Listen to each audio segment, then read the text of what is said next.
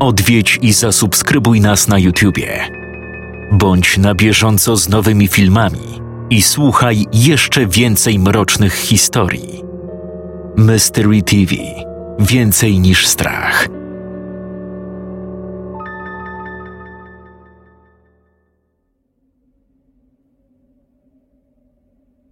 Piątkowy ranek 17 kwietnia 2019 roku należał do słonecznych. Chciałoby się powiedzieć cudnych nad wyraz. Zwiastował początek pięknego, mającego być skąpanym w słońcu dnia.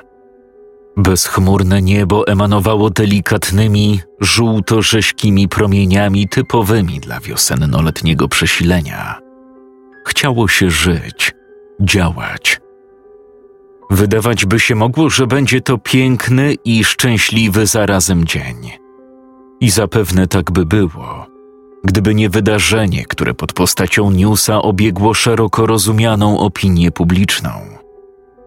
Zarówno prasa, jak również wszelkie serwisy radiowo-internetowo-telewizyjne szalały.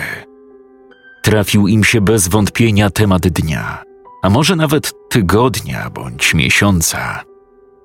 Przyćmiewający szary, nijaki świat polityki, przekłamany półświatek show biznesu, jak również poczynania sztucznie, zazwyczaj na siłę kreowanych, szeroko rozumianych celebrytów – Otóż w jednym z więzień w stolicy miał miejsce bunt. Do jego stłumienia użyto specjalnie przeszkolonych w tym celu jednostek nie tylko służby więziennej, ale i policji. Tragiczny bilans wynosił 23 więźniów zabitych i kolejnych 35 rannych. Rzecznik prasowy Centralnego Zarządu Służby Więziennej w oficjalnym oświadczeniu jako przyczynę buntu podał przepełnienie – w następstwie którego na jednego więźnia przypadały 4 metry kwadratowe powierzchni celi, z wyłączeniem kącika sanitarnego. Wszelkie wytyczne unijne wynikające z ustawodawstwa w kwestii metrażu od dawna w naszych jednostkach penitencjarnych są spełnione. W tym miejscu nie możemy mówić o żadnych uchybieniach. Więźniowie sami uznali, że jest im po prostu za ciasno. Brzmiało oficjalne stanowisko rzecznika Centralnego Zarządu. Powodem numer dwa były posiłki, nie zapewniające odpowiedniej liczby kalorii niezbędnych do prawidłowego funkcjonowania organizmów więźniów, miały w połączeniu z niezadowalającym metrażem przelać czarę goryczy. Owszem, jak wszyscy uwierzyłem w przedstawioną przez rzecznika prasowego wersję zdarzeń, bo niby dlaczego miałbym poddawać ją w wątpliwość? Nie widziałem też jakichkolwiek przesłanek mogących dać wiarę przebywającym w izolacji od społeczeństwa ludziom. Choć zapewne mieli oni swoją wersję, jak najbardziej uzasadniającą podjęcie takich, a nie innych kroków, to i tak nie dałbym jej wiary. Podobnie zresztą jak większość społeczeństwa, traktując jako zbiór żądań wyssanych z palca. Ostatecznie do więzienia nie trafia się w nagrodę. To nie są wczasy pod gruszą. Kara musi być na swój sposób uciążliwa, chociażby po to, by spełniła ideę swego powołania. Proces ponownej socjalizacji, tak zwanej resocjalizacji, bywa bolesny. Rozumie się to samo przez się. Tak wtedy rozumowałem, niczym się nie różniąc w tej kwestii od znacznej części mieszkańców kraju. Sprawa odbiła się sporym echem, a to z uwagi na liczbę ofiar i poszkodowanych w całym zajściu. Biorąc pod uwagę fakt, że ranni byli izolowanymi od społeczeństwa osobami, żaden z dziennikarzy nie miał do nich dostępu. Było to jak najbardziej zasadne działanie, nie budzące choćby cienia podejrzenia. Zapewne tak jak większość osób, po kilku tygodniach monitorowania prasy, radia tudzież telewizji, przeszedłem do porządku dziennego. Gdyby nie telefon od doskonale mi znanego pułkownika Antoniego Trzecia. Generał bądź generałek, jak zwykłem go zdrobniale sam przed sobą w chwilach zapomnienia określać, nie odzywał się do mnie od dobrych kilkunastu tygodni. A konkretnie od czasu pamiętnej historii, którą odważyłem się podać do publicznej wiadomości pod postacią serii artykułów pod tytułem Taśmy Urbex Story. Jeżeli interesują Pana prawdziwe przyczyny tragedii w zakładzie karnym, proponuję spotkanie. Oczywiście. Kiedy i gdzie? Jak najszybciej. Pragnę uprzedzić, że to nie ze mną się Pan spotka, a z kimś z mego bliskiego otoczenia. Takowy obrót spraw wynika z dużo większego zakresu wiedzy tej osoby. Wszystkie szczegóły ustalicie osobiście podczas rozmowy. Oczywiście. Będzie tak, jak pan sobie życzy. Odpowiedziałem, sięgając po notes i długopis, a następnie notując numer telefonu przyszłego rozmówcy. Zadzwoniłem zgodnie z umową od razu, bezzwłocznie. Równo z trzecim sygnałem nastąpiło połączenie. Głos w słuchawce, na pozór pewny, miał w sobie wyraźną nutę tajemnicy wynikającej. No właśnie, te kwestie chciałem wyjaśnić. Z ręką na sercu przyznam, że gdyby nie wcześniejsza rozmowa z trzeciem, do spotkania prawdopodobnie by nie doszło. Od momentu ukazania się serii artykułów z cyklu taśmy Urbex Story otrzymywałem liczne telefony od ludzi nie tyle mających cokolwiek sensownego do powiedzenia w kluczowym temacie, co raczej chcących zaistnieć w myśl słów nieważne jak mówią, byle tylko mówili. Roztrzęsieni, drżącymi głosami mówili o rzekomo posiadanej wiedzy, często z zaświatów, co wykluczało możliwość spotkania już na wstępie – w swojej kilkunastoletniej pracy dziennikarza zdążyłem przywyknąć do typów kreujących się na jednostki w wielu aspektach życia ponadprzeciętne, posiadające przy tym ogrom nikomu nieznanej wiedzy. Jak się zazwyczaj okazywało, była to jedynie ich subiektywna ocena. Lata praktyki nauczyły mnie dystansu. Jednak w tym konkretnym przypadku intuicja by mnie zawiodła. Zniekształcony poprzez urządzenie elektroniczne głos miał, jak się domyśliłem, zapewnić memu informatorowi poniekąd anonimowość, a poniekąd w przypadku podsłuchu i rejestracji głosu brak możliwości przypisania go konkretnej osobie. Miejsce spotkania zmienialiśmy dwukrotnie. Ostatecznie doszło do niego w niewielkiej kameralnej kawiarence na krakowskim przedmieściu w Warszawie. Rozmówcą, w zasadzie rozmówczynią ku ogromnemu zaskoczeniu, okazała się być kobieta. Bardzo harmonijne rysy twarzy, niebanalne, określane potocznie szlachetnymi, sprawiały, że postrzegałem ją jako kobietę atrakcyjną, zarazem inteligentną. Była średniego wzrostu, ponadto szatynka o bardzo proporcjonalnej budowie ciała i kształtach przyciągała męskie spojrzenia.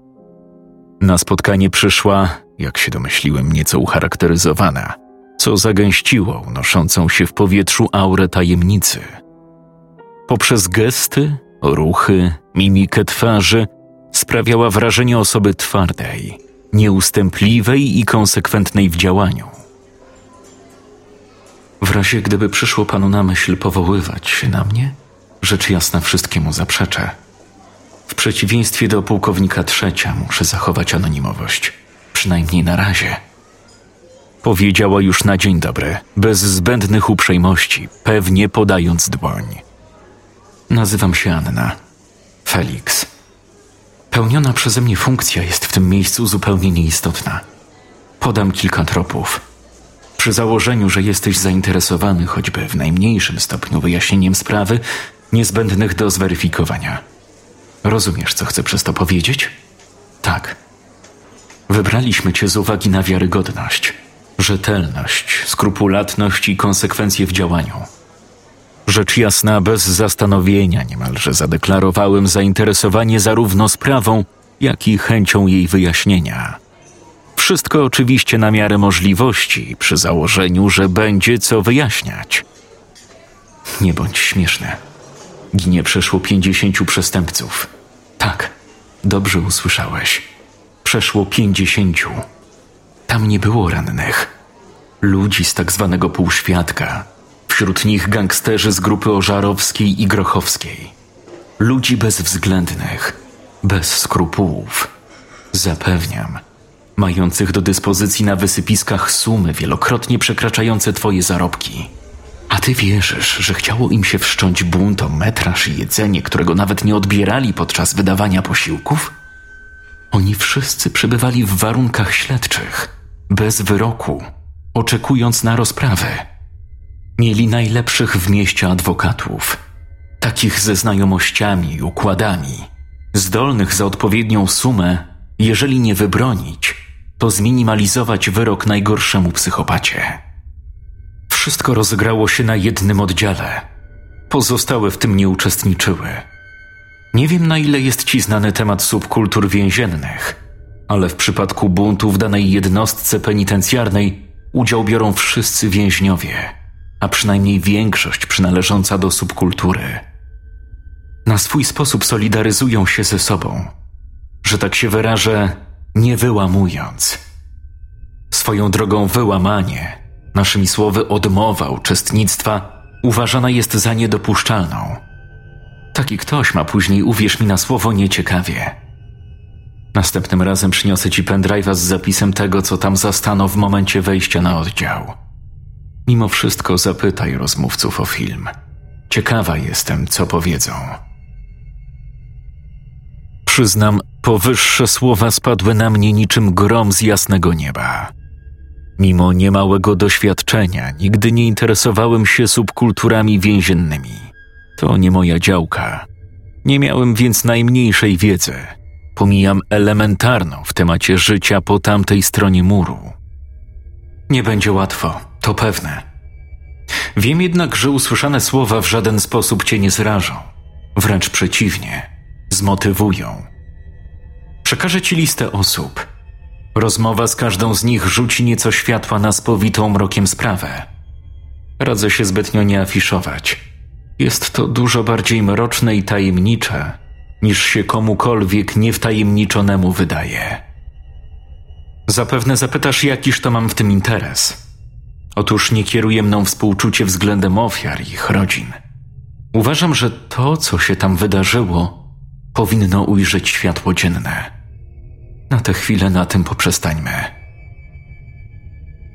Tym właśnie sposobem wszedłem w posiadanie listy z nazwiskami osób, do których niezbędnym było dotrzeć, celem rzucenia owego światła na mrok spowijający sprawę buntu na oddziale drugim aresztu śledczo-karnego w Warszawie.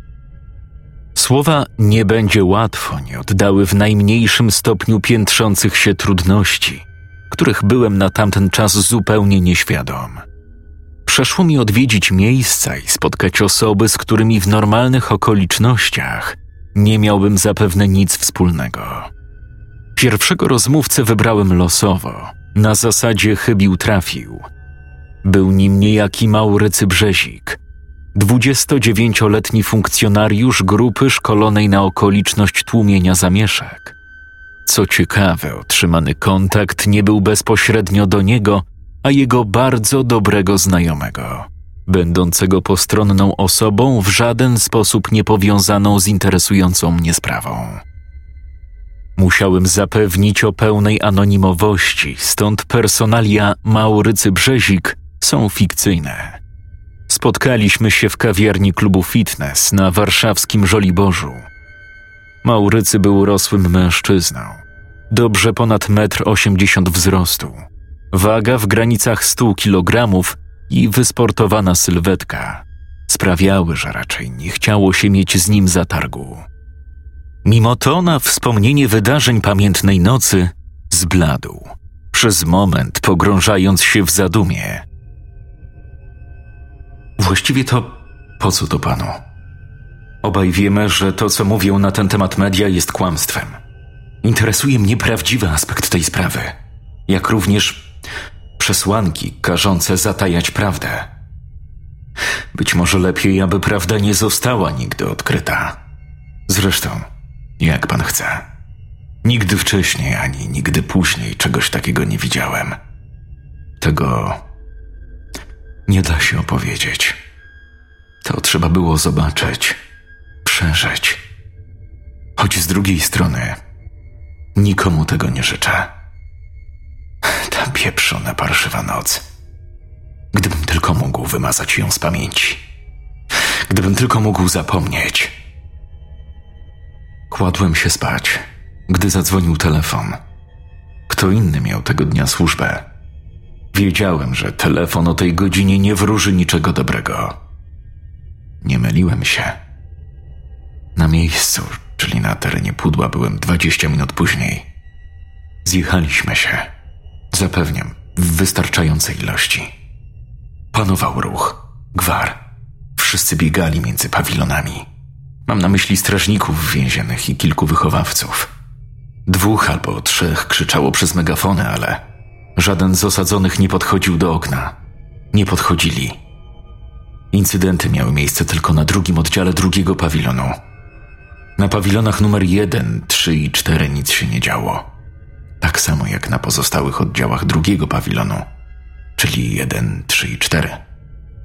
Pamiętam głosy więźniów, tych z oddziału drugiego. Nigdy w życiu czegoś takiego nie słyszałem. Nikt nie wiedział tak naprawdę, co się dzieje. Jedyny sensowny scenariusz przywodził na myśl bunt, bo niby co innego. Poważne zadymy w więzieniu są poważnym problemem. Tam nie siedzą przedszkolaki. Byliśmy szkoleni na taką okoliczność, w pełni wyposażeni i przygotowani. Tak nam się przynajmniej aż do tamtego momentu wydawało. Raz na jakiś czas zdarzały się interwencje. Zawsze wszystko szło jak po sznurku. Mieliśmy rozpracowany każdy możliwy scenariusz potencjalnego zagrożenia. Nie można jednak być przygotowanym na chaos. Cały drugi oddział był zamknięty. Oddziałowi, słysząc co się dzieje, w popłochu uciekli, zamykając za sobą kraty. Weszliśmy jako pierwsi. Nigdy, przenigdy nie czułem czegoś takiego. Słysząc zbliżające się nasze kroki, więźniowie panikowali. Tak było zawsze. Jest to podstawowy element gry psychologicznej. Tym razem już samo wejście na oddział było koszmarem. Nieustannie zerkaliśmy jeden na drugiego. To coś unosiło się w powietrzu, wnikało w umysły niemalże paraliżując. W przysłowiowej kupie trzymał nas wytrenowany, wielokrotnie powtarzany każdy ruch, zgodny z opracowanym schematem działania. Zawsze to my byliśmy siłą przeważającą, ale nie tym razem. Osobiście zajrzałem przez kukiel, czyli przez wizjer na trzy cele. Pierwsza cała wymazana była krwią, tak samo zresztą jak pozostałe. Na ziemi leżało ciało pochwycone wagonalne wstrząsy, do tego z rozłupaną czaszką. Dwaj pozostali osadzeni wisieli na kracie zabezpieczającej okno. W celi obok było jeszcze gorzej. Wszyscy ponadziewani byli na ostre ranty piętrowych łóżek. Wie pan, w zakładach karnych łóżka są metalowe, piętrowe zarazem, tak jak w wojsku. Ich konstrukcja jest taka, że można je stawiać jedno na drugim, tworząc dwa, a nawet trzy piętra. W zasadzie to nawet i więcej. Byle tylko mieli jak na nie wejść, no i schodząc się nie pozabijali. W trzeciej celi. Na ziemi leżały zwłoki dwóch osób. Mieli roztrzaskane głowy. Twarze jakby zapadły się w głąb czaszek. Obrażenia? Wyglądali jakby zostali potrąceni przez ciężarówkę, tramwaj albo pociąg. Powykrzywiani w nienaturalnych pozach. Cela była zdemolowana jak po kipiszu, znaczy przeszukaniu na okoliczność podejrzenia narkotyków. Przy oknie stał chłopak. Nie tyle oddychał, co dyszał. Nie mam pojęcia, jakim cudem wiedział, że go obserwuję. Może usłyszał, jak odchylam kukiel, wizjer. W każdym razie odwrócił się. Nie jestem w stanie opisać jego twarzy. Nie mogłem. Nie chciałem. Nie byłem w stanie na niego patrzeć. Wycofaliśmy się, dochodząc do wniosku, że bez gazu łzawiącego się nie obejdzie. Niestety, jak czas pokazał, i on na niewiele się zdał. Zdecydowaliśmy się wejść do celi. Chrobot błyskawicznie otwieranego zamka powodował u każdego z nas niesamowity strzał adrenaliny. Mówię jak jest. Następstwem była gotowość na potencjalną konfrontację. Inna sprawa, że zawsze czuliśmy się górą. Ten pacjent kopnął wewnętrzną stronę klapy z taką siłą, że otwierający ją funkcjonariusz przeleciał z dobry metr. Drzwi o mało nie wyleciały z zawiasów. Widział pan kiedykolwiek drzwi cel w zakładzie karnym? Nie. No właśnie. Zapewniam. Solidne. Bardzo solidne. Wyskoczył niczym wypuszczone z klatki dzikie zwierzę. Z perspektywy czasu oceniam, że szybciej byśmy się uporali z wybiegającym i atakującym nas lwem albo tygrysem. Chłopak tak jakby stracił ludzką naturę. Nie wiem jak to możliwe, ale przypominał człowieka tylko z wyglądu. Mimo miażdżącej mogłoby się wydawać przewagi w postaci wyszkolenia i sprzętu, robił z nami co chciał. Marian skończył z połamanymi rękami, krzychu ze wstrząsem mózgu. Oskar miał trepanację czaszki. Gracjan z Leszkiem wylądowali na ojomie. Ja mam zrekonstruowany bark. Rozumie pan? Marian. Gość całe życie trenujący zapasy. Wicemistrz Europy i brązowy medalista Mistrzostw Świata. Gość, o połowę od niego mniejszy. Miotał nim jak plastikowym manekinem. Oskar. Facet wyciskający na klatę 250 kilo. Przeleciał przez połowę prostej, znaczy korytarza na oddziale, uderzając głową w ścianę z taką siłą, że pękł mu kask. Po raz pierwszy widziałem coś takiego na własne oczy. Chciałem przycisnąć atakującego tarczą do ściany. Uderzył pięścią, robiąc to z taką siłą, że tarcza po prostu pękła na pół. Rozumie pan? Cisnął mną o ścianę tak, że aż pociemniało mi w oczach. Mimo znacznego uszczerbku na zdrowiu jakoś uciekłem. Chyba tylko dzięki adrenalinie.